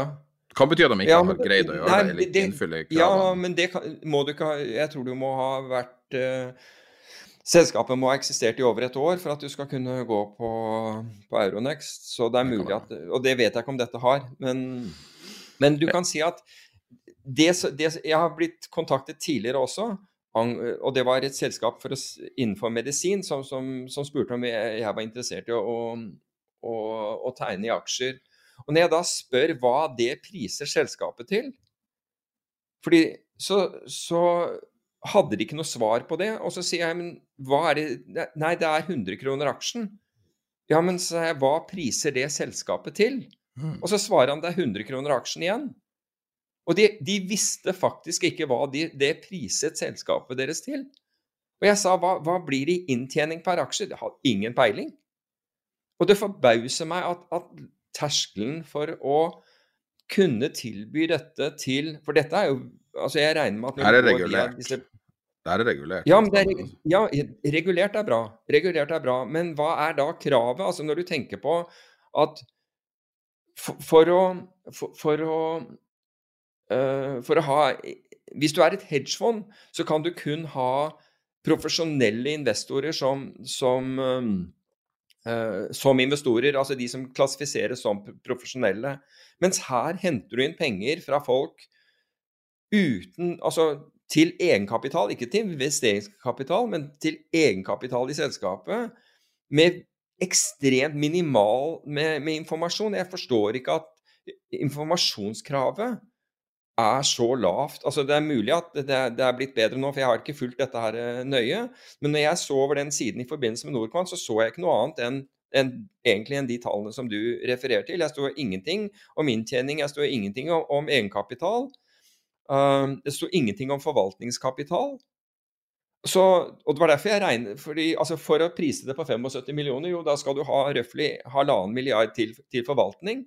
Og Det er mulig at de har klart å skaffe halvannen milliard til forvaltning, men det må være det altså Da har de vokst raskere enn noe forvaltningsforetak i Norge som, som jeg kjenner Men uansett, altså, det, vi klarer ikke, det, det, det er det som er litt interessant her. at vi klarer ikke å vurdere denne investeringa ut fra den informasjonen som står der. klar- nei, nei, Det står ingenting her. Det står ingen tall. Det er er poenget på. mitt. Det er en drøm, Det.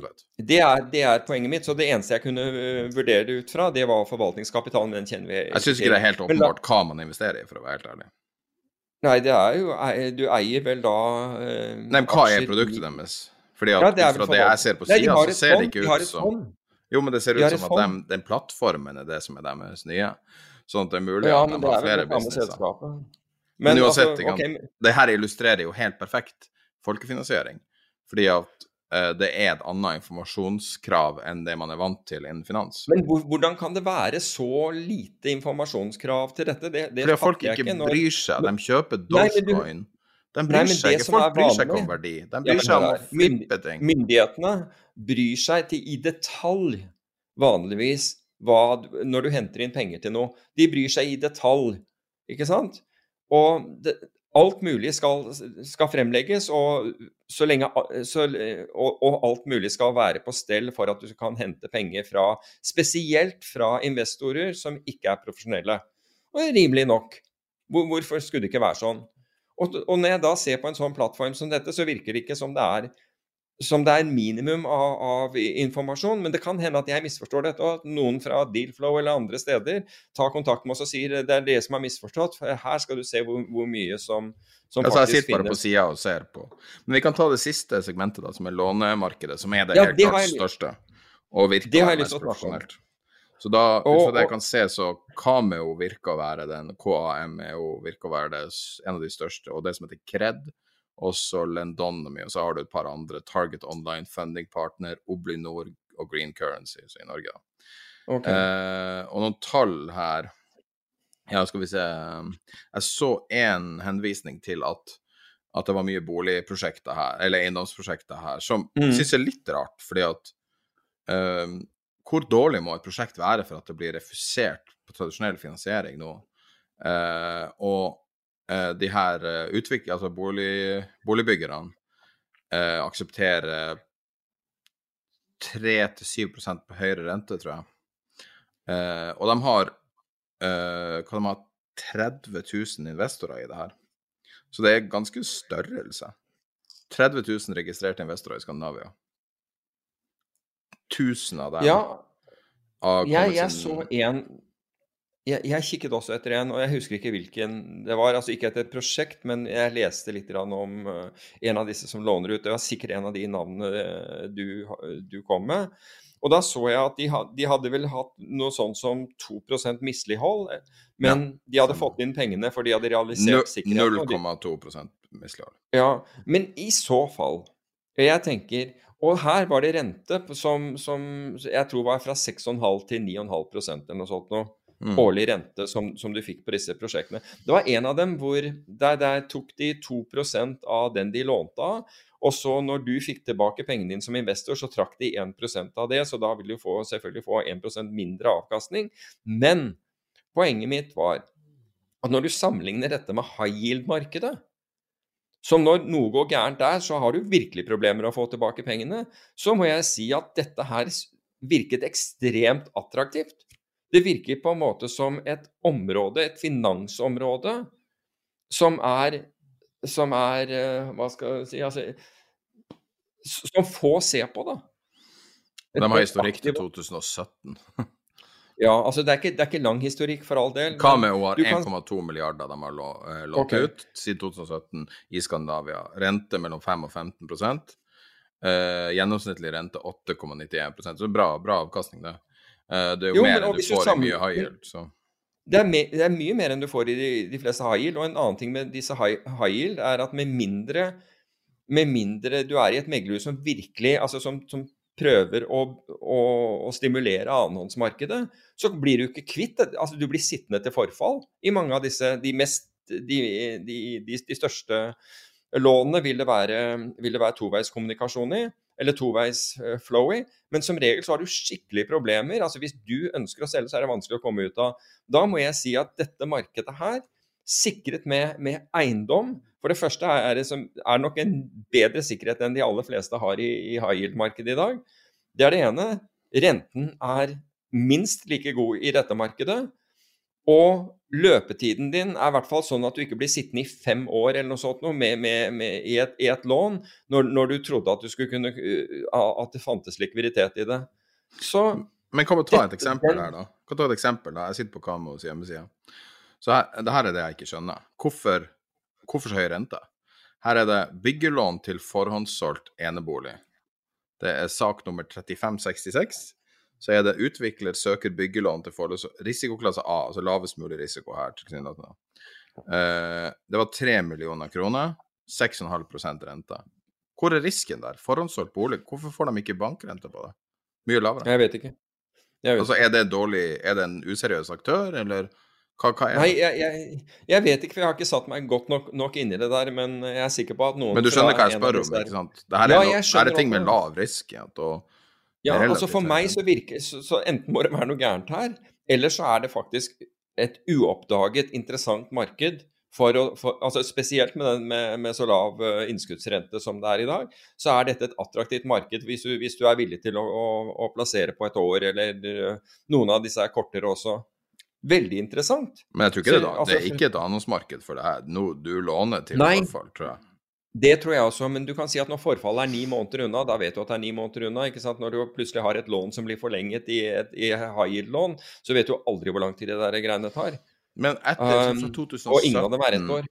Fra 2017 har de eh, tap på 2,35 millioner. Er det, mm.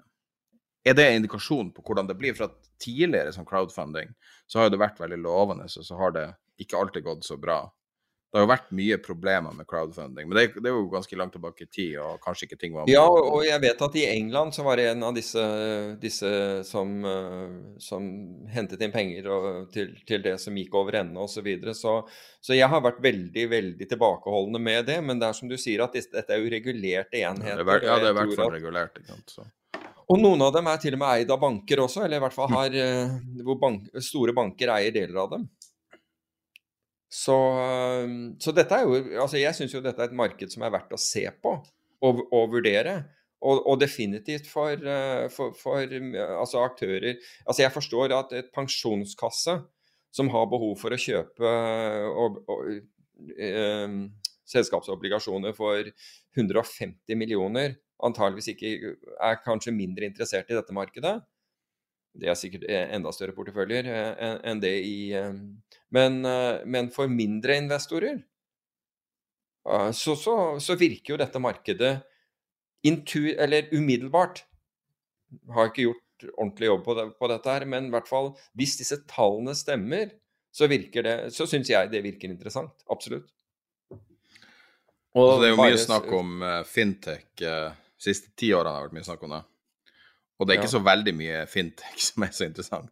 De kaller det fintech, men det er nå bare en ny måte å være bank eller en ny måte å selge aksjer. Ja, ja. Men det her er i hvert fall, altså, det er i hvert fall noe som kan ligne på fintech. Men, eh, Ja. Uh, Da, kom, da kommer Softbank inn hvert øyeblikk, fordi fintech, da er det bra. ja, Softbank er jo nesten garantert inn, inni det. Ja. jeg, vet, jeg tør ikke å sjekke det engang. Men, eh, men eh, bare som disclosure-del, er at altså jeg, har, jeg har ingen plassering i, i dette, eller i verken egenkapital eller fremmedkapitalen i, i dette. Dette har jeg bare sett, sett på det fordi uh, vi har hatt lyttere som har interessert seg for det og bedt flere ganger om at man skulle ta det opp, og så til slutt har jeg begynt å kikke litt på, på det. Så det er ut ifra det vi, vi gjør denne vi, vi tok det opp i, i dag, hva, hva, hvordan det vil være i fremtiden. Altså, for, Det kan Det være at vi kunne hatt en gjest fra det her, og så virkelig Ja, høre det- hvordan det ja. funker fra, Det virker i hvert fall Kredd, attra- for, meg så virker i hvert fall dette her attraktivt nok til at, at jeg kunne godt tenke meg å se mer på det, for å si det på den måten. Knut Kjær, ja. styreleder i Kred. Der ser du. Så det er litt uh, Ja. gamlegarden. ja. Og uh, det er eid uh, Ikano Bank som eier den, som heter Kredda. Men det er ganske sykt. Det er, det er litt sånn det er litt sånn ny måte å tenke på det. Når du ser på, på den som heter Kredda, så er det da personlige lån. Der folk skal Mm. refinansiere kredittkort til sine raten og sånne ting. Ja. Og så, og så er det snakk om 40 000 og 100 000. og- Ja, altså, den, den delen av markedet har jeg ikke sett på, fordi det, er vel den som gikk, eh, som gikk ordentlig dårlig i, i, i England. Det kan hende at, det er, at man har, mm, klarer å sikre dette på andre måter i Norge, det vet jeg ikke. Husker du eh, SMS-låntjenesten i Sverige? Som hadde Nei. sånn 1000% rente? Oi. Okay, det heter SMS. Og det er sånn payday-lån og sånt nå? Ja. Det er jo vanvittig ja. lukrativt. Ja, ja, du vet du hva, er- det var, det var jo noen som forsøkte å, å selge oss noen produkter i forbindelse med det i sin tid, det husker jeg. Sånn det er jo- payday-produkter. Det er jo å selge ting til folk som ikke har penger, har jo alltid vært utrolig lukrativt, fordi at de Mm. må ta det de får. Så det er sikkert masse Altså ikke med business, det er ikke at det er noe galt i det. Det, det, er, jo Nei, fint nei, nei. At, det er jo fint at man får andre tilbydere av det, men uh, som så investor vil jeg, så ville jeg vært forsiktig. alt- Altså. Ja, det, det, er jeg helt enig i. Og så skal man ikke skjære alt og alle over, over en kam eh, her heller. Fordi jeg, jeg så at det varierte jo en del på hvor mye honorar og sånt noe disse ulike tok. Så, så alle skal ikke skjæres over én kam, og det kan være inn, ja, Det er i hvert fall noe vi kan se litt mer på, syns jeg. Mm. Kanskje vi kan ha inn en gjest eller noe sånt fra en av de selskapene, et lite innslag, og høre litt mer om detaljene. Mm. Det som bekymrer meg, er tidshorisonten er veldig kort, så man har ingen data å gå på. liksom. Ja, det er det. Jeg er enig. Jeg er enig. Ja, du har litt sånn ymse ting her du har notert ned. Ja, jeg har et sånn der det sto litt av hvert, eh, litt av hvert Ja, go eh, i dag. Og, ja, og den, den første er Coinbase, som da tjener 1,8 milliarder i Q1. Altså nå har jo Coinbase akkurat gått på børs og ligger rundt 300, eh, 300 dollar aksjen. Og 1, de tjente 1,8 milliarder Ja. Og det er 50% mer enn de tjente i hele 2020. Altså Så- Q, Q1 eh, for Q1. hele Alt Q1 har jo vært Jeg tror det var 80% som er gått over forventningene. sånn. Ja, ja. Men, Apple, men alt er jo vanvittige resultater som har vært. Ja, ja. ja, ja. Så, um, så jeg syns den var, var, var interessant. Og så i forbindelse Bare, bare nevne, nå kommer det en serie av ting i, i fleng her som har skjedd siden sist. Sverre nevnte jo akkurat eh, innledningsvis at, um, at i, i, i markedene så de har på en måte roet seg ned, så da kan vi jo ta andre ting.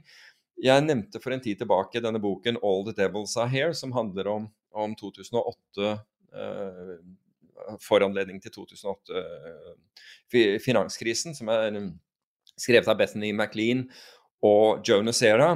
Og i den så er det en ganske interessant eh, greie om, om Goldman Sachs um, som Så Goldman Sachs, altså AIG, forsikringsselskapet AIG, kjøper da boliglånsobligasjoner av, av Goldman Sachs. Slår de sammen og, og får de finansiert av Goldman Sachs. Så, og, og dette gjør flere andre. altså De kjøper fra de, de ulike megler, meglerhusene. De setter disse sammen, som vi vet at det blir, sånne pakker av boliglån. Og så en dag så får de da et marginkrav. altså dette er, Nå ser markedet litt usikker ut eh, allerede, og, og, og disse, flere av disse eh, lånene har falt i verdi. Men de andre bankene da, har satt verdien til mellom 80 og 85% av, av, av pari, altså av, av, av, av 100. Men Goldman Sachs forlanger en dag så kommer det en margin call til AIG fra Goldman Sachs på flere milliarder dollar. Og de, ikke, de kan ikke forstå at de får et sånt margin-krav, så AIG da prøver å se hva, hva har de priset disse til. Og Goldman Sachs har priset de til 60% av, av verdien. Og I dette tilfellet så går AGV og sier vet du hva, de, alle de andre bankene setter en høy, høyere verdi, så de nekter å innbetale flere milliarder. Det ender med at de betaler inn noen hundre millioner dollar i, i margin-krav. Og Goldman Sachs sier ja, greit, men vi kommer sikkert tilbake med mer. Så over en tid så fortsetter dette. Goldman er mer aggressiv enn noen. De setter da lavere verdier enn noen av de andre bankene. Og samtidig går Goldman og kjøper credit eh, credit default swaps, altså de shorter AIG, kreditten på AIG, gjennom noe som heter credit default swaps. Og dette fortsetter, og Goldman setter da disse lavere og lavere verdier og vil ikke godta dette. Og samtidig som de går og kjøper, eh, som de shorter AIG, altså dette, dette, dette selskapet. Og så får, fordi man ikke får altså de, Prisen på AIG begynner ikke å, å, å falle, så går Goldman Sachs Det er de som setter kundene først, for øvrig samme, samme, samme motto som Artica. De, de har også den der 'vi setter alltid kundene først'. Så går Goldman Sachs til PwC, som er både Goldmans eh, revisor og AIGs revisor, og sier til PwC at vi tror at, eh, vi, vi tror at de feilpriser, at AIG feilpriser disse, disse, disse produktene, og skaper da voldsom usikkerhet hos, hos, eh, hos eh, revisor. Og nå begynner det å gå rykter i markedet om det.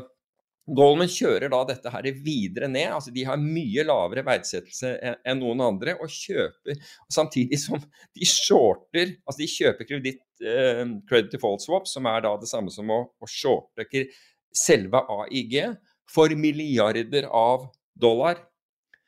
Så de pusher da ned pris, og sier de til AIG, så sier AIG det er ikke riktig pris, de andre har mye høyere pris. Så sier Goldman Greit, vi er villige til å selge dere på den prisen.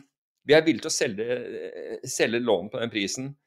Og her kommer dilemmaet. For AIG vet at i det øyeblikket de kjøper på den prisen, så blir den prisen vist i markedet, noe som kommer til å få alt til å rase. Så de tør ikke å kjøpe i markedet til den, til, til den prisen. Men til slutt så går faktisk Goldman og omsetter på, til den prisen, Goldman innkasserer milliardgevinst på å ha kjørt dette, kjørt dette spillet. Dette, dette, ser jo myndighetene på i ettertid, altså etter finanskrisen, og gir da Goldman en bot. altså Goldman har da flere milliarder i fortjeneste på dette, her, og de får en bot på 550 millioner dollar. Så du kan si at hele dette greiene resulterer i en bot. Altså de tjener da milliarder på hele greia, inkludert å ha betalt bot på 550 milliarder dollar. Det er ikke dårlig. Det er, fantastisk, det er jo en fantastisk historie at, at, det er mulig å gjøre noe sånt noe uten at det får eh, konsekvenser. Ok, det var den saken. Så skal vi gå videre til Kreditt Ja, too big to fail. Og det neste er da Kreditt Suisse, som akkurat nå eh, Denne her Archego-saken. Vi snakket om eh, at, eh, at bankene ville tape kom til å tape over 10 milliarder dollar på det. Og da fikk jeg noen reaksjoner tilbake og sa at det, er, det der var vanvittig overdrevet, og sånn var det ikke. Og dette her dreide seg om noen få milliarder dollar. Nå I forrige uke kom, kom tallene, og de, de, er over 10 milliarder. Mm. Men det morsomme her er eh, hvis du, du, har lest, du har lest efter, tror jeg. ja, ja, men det morsomme her er at Kreditt Suisse har nå foreløpig tapet, og det er enda ikke tatt det hele, er på 5,4 milliarder dollar. Vi snakket om 4,9 sist, nå er det oppskrevet til 5,4 milliarder dollar. Mens inntekten Altså, de har tatt på én kunde på Archegos 5,4 milliarder dollar, mens inntekten de hadde i fjor fra samme kunden, var på 17,5 millioner dollar. Så da kan du si at det er noe Pennis foran en dampveivals. Ja, så her kan du si at det er noe som ikke helt står i, står, står i forhold. Men så, vet du hva Kreditt Suisse, Bank of America og Kreditt Agricole har til felles? Det er at de i, av europeiske tilsynsmyndigheter har blitt idømt en bot på 28,5 million unnskyld, euro for manipulasjon av det, det, det europeiske eh, rentemarkedet, altså eh, markedet for statsobligasjoner. De har drevet med kursmanipulasjon. Men det interessante med den altså det, det, er ikke så overraskende at banker manipulerer markedet, for det har vært en serie med, med dommer og, eh, både fra USA og, og fra Europa om det. Men det interessante med denne var at Deutsche Bank også var med på, var med på denne svindelen. Men Deutsche Bank var den første som de tok. Og de slapp unna. De har ikke fått bot. Vet, dere, vet du hvorfor? Fordi de anga de andre. Så Deutsche Bank snudde seg, anga Kreditt Suisse, Bank of America og Kreditt Agricole og slapp unna, med, og, og slapp unna uten bot. Så Credit Suisse har blitt busta to ganger av noen som til, går tidlig ut. Det er helt utrolig. Det er helt utrolig. Um, I forrige uke så Nei, det er no, så, no honor among thieves. Det er jo Nei, ikke i det hele tatt. Så du var inne på, jeg tror det var for to episoder siden, at Vixen hadde falt under 20, ikke sant? Og det er den, men hvis du ser på Univix, så handler den fortsatt over, over 20. Dette er den volatilitetsindeksen i USA. Og da, jo, da, dukker det jo plutselig opp at Morgan Stanley har et, et fond uh, uh, som har kommet opp med et fond som heter Parametric Fund. men som på folkemunne heter The Gamma Hammer. Og det dette fondet gjør, er å shorte eh, opsjoner på eh, SMP 500. De shorter da både put- og call-opsjoner på SMP 500 for 5 milliarder dollar i uken. Så nå som volatiliteten er igjen på noe av det laveste, da har investorer lyst til å gjøre det, og da finner bankene ut at da lager vi et produkt. Det minner veldig om XIV, som da vil tjene penger på at det, blir, at, at det fortsetter å ikke bevege seg noe, noe, noe, noe særlig. Men apropos det, så, det, så jeg la merke til noe Ja. som overraska meg veldig. Når var sist gang du leste Kapital? Jeg vet ikke, flere år siden. Hvordan det Nei, for Kapital skriver ikke så veldig mye om fi internasjonal finans. Skriver ikke så mye om teknisk finans, f.eks., eller omtaler ikke så mye indikative indekser og sånn. Så plutselig, ut av det blå, begynner de å skrive om SKU-indeksen, som de da kaller skrekkindeksen. Så kan jeg se på SKU-indeksen, og sånn, den er jo opp, men Mm. Eh, nå har jeg ikke kapital overalt, så gud vet hva de skrev om den, da. Men eh, jeg regner med at det er krise, krakk og elendighet i framtida. Eh, og den er opp, altså. Den er opp fra 140 ca. til opp til 146. Men altså, eh, i et liksom, historisk perspektiv og sånn, så er det ikke noe som bare slår ut. og jeg synes det, er så- det er så rart når noen bare velger seg en, en narrative, og velger SKU-indeksen. Uh, Jeg regner med at kanskje det har vært på CNBC at det er sånn det starta, jeg vet ikke. Jeg syns bare det ble sunt. ikke- Altså, kapital var en sånn uventa kilde til det. Plutselig så begynner de å snakke om SKU-indeksen. Ja, jeg, jeg må innrømme at jeg følger med på SKU-indeksen, men det blir jo også Du kan ikke se SKU-indeksen alene. Du må jo se den i forhold til det nivået som volatilitet handler på også. Hva du syns om å er kalle det skrekkindeksen? Altså, SKU er, reflekterer Er ikke det out of the money? um, Eh, Nei, ja, men altså, hvis du tenker deg nor, nor, en normaldistribusjon, som er på en måte grunnlaget for, for mye finansiell prising, både portefølje, eh, porteføljeteori og opsjonsprising osv., den er basert på en, på en normalfordeling, altså statistisk normalfordeling, så er SKU-indeksen den reflekterer hvordan halen, altså på venstre side, altså faren for fall, er priset høyere enn det normalfordelingen tilsier at den skal være. Altså det som er matematisk ut ifra normalfordelingen. Så jo høyere SKU-indeksen er, dess mer, dess mer viser eh, markedet at de tror at det er fare for et stort fall. Så det er liksom greia med, Ja. med, med Men det bare, jeg husker bare det var artig. Det var bare noe Det var en, en lytter som sendte det til meg, tror jeg. Eh, Akkurat. Jeg har ikke for vane for å lese kapital.no, men det er sikkert bra. Ja, det kan, det kan være.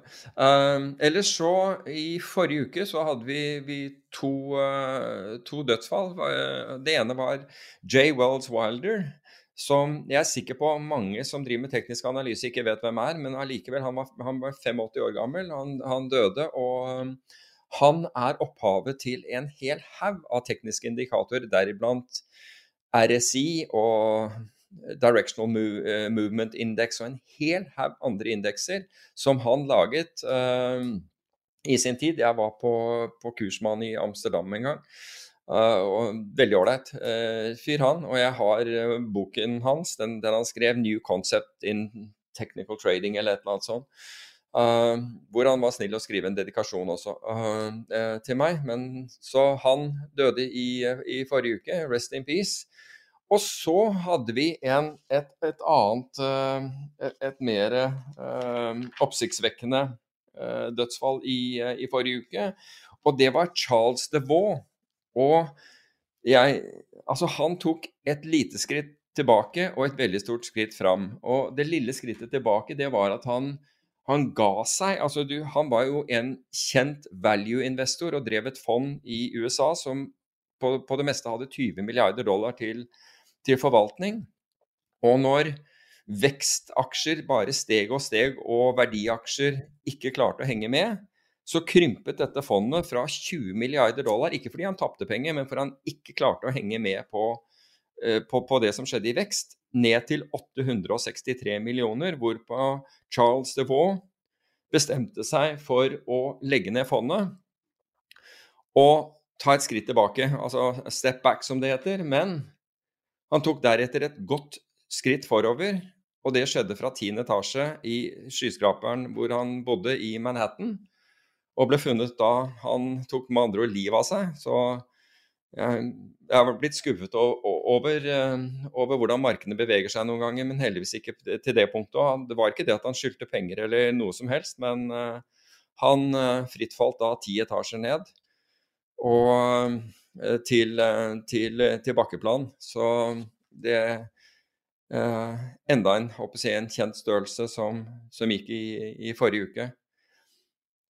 Ellers, Andresen Horowitz har da besluttet å starte et venturefond. Jeg er jo investert i et venturefond selv som har med, med, med blokkjede å gjøre. og det er dette, dette, er et crypto venturefond hvor de skal hente inn 1 milliard dollar. Så mye skjer i den bransjen. Men det artige er jo at det artige er jo at venturebransjen fortsatt er ganske liten. Det er ganske små størrelser.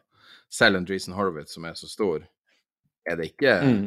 Helt vanvittig uh, størrelse på de her fondene. Nå var jo dem, uh, var ikke dem tidlig inne i Coinbase og har jo sikkert tjent vanvittig på det. Jo, jo. Jo, jo. Det var de. Helt, helt riktig.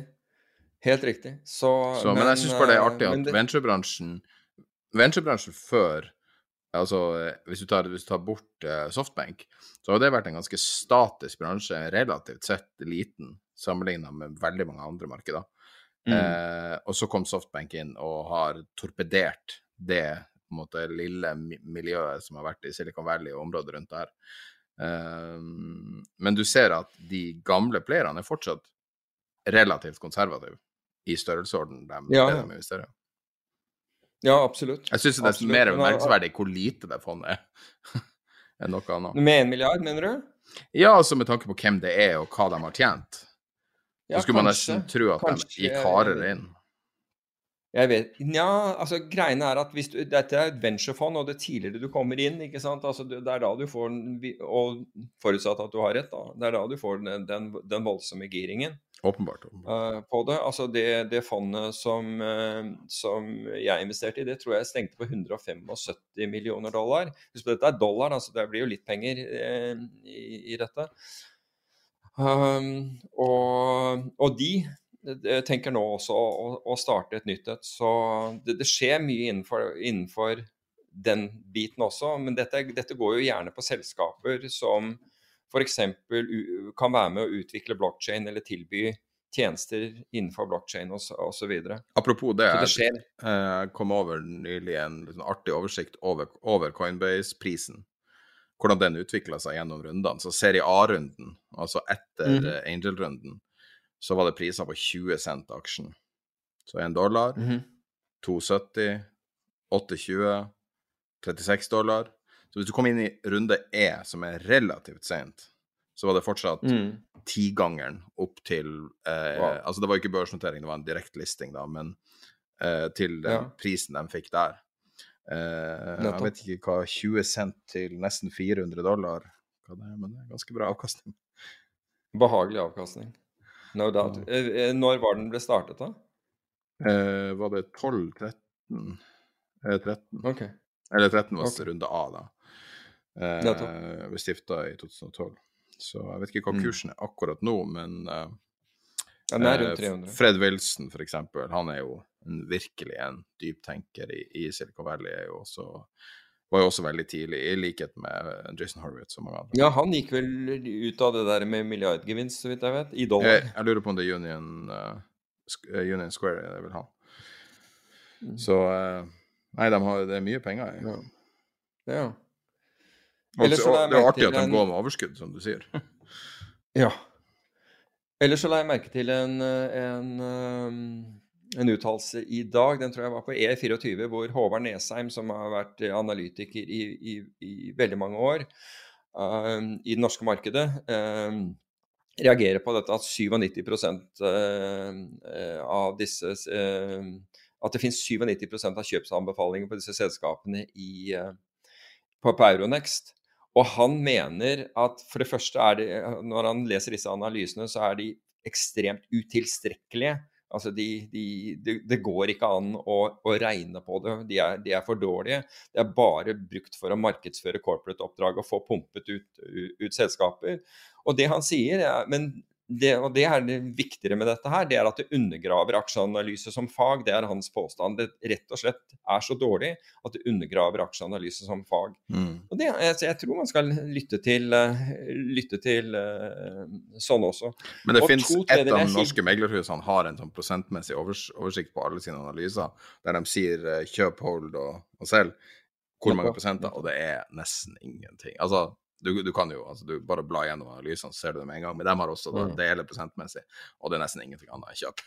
og det er, altså, det her er, det her er old news i, innen aksjeanalyse. Du har kjøp, og så har du kursmål 100% over siste aksjekurs. Altså Oslo Børs er opp 10,5% eller i hvert fall var det per, per utgangen av forrige uke. Opp 10,5 eh, i år. Og når jeg kikket over Euronex Growth, så var to tredjedeler av de selskapene ned i år. Mm. Så um, ikke så bra der. Og helt til slutt så, så, har jeg faktisk en bokanbefaling. og Dette er en bok som jeg leste for lenge siden, men som jeg tok opp og, begynte å lese i, på nytt. Og den heter Black Edge.